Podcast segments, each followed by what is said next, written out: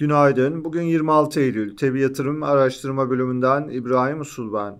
Yurt dışı borsalar üzerinde satış baskısının yeni haftaya başlarken de sürdüğünü görüyoruz. Şahin algılanan FED toplantısı sonrası dolar endeksi ve ABD tahvil faizlerinde yaşanan yükselişin artan resesyon endişelerinin olumsuz etkileri devam ediyor. Cuma günü %2'ye yakın değer kaybı gördüğümüz Amerikan endeksleri hafta başında vadeli tarafta da satıcılı.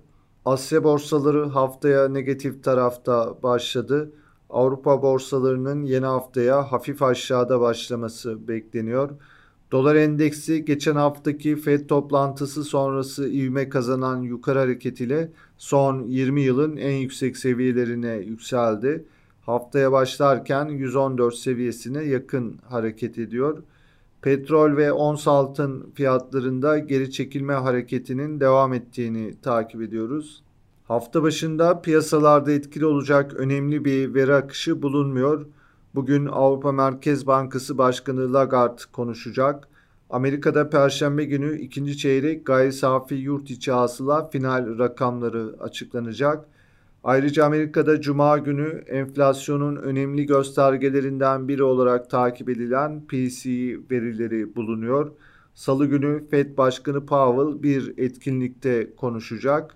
İçeride bugün Eylül ayı reel kesim güven endeksi ve kapasite kullanım oranı verileri takip edilecek. Borsa İstanbul tarafında ise geçen hafta daha çok satışlar etkili oldu. Hafta ortasından itibaren toparlanma eğilimi görülse de BIST endeksinde haftalık bazda %2.83 değer kaybı yaşandı. Yeni haftaya Borsa İstanbul'un küresel etkiyle hafif aşağıda başlayacağını düşünüyoruz. Seans içinde yukarı yönlü denemeler beklenebilir.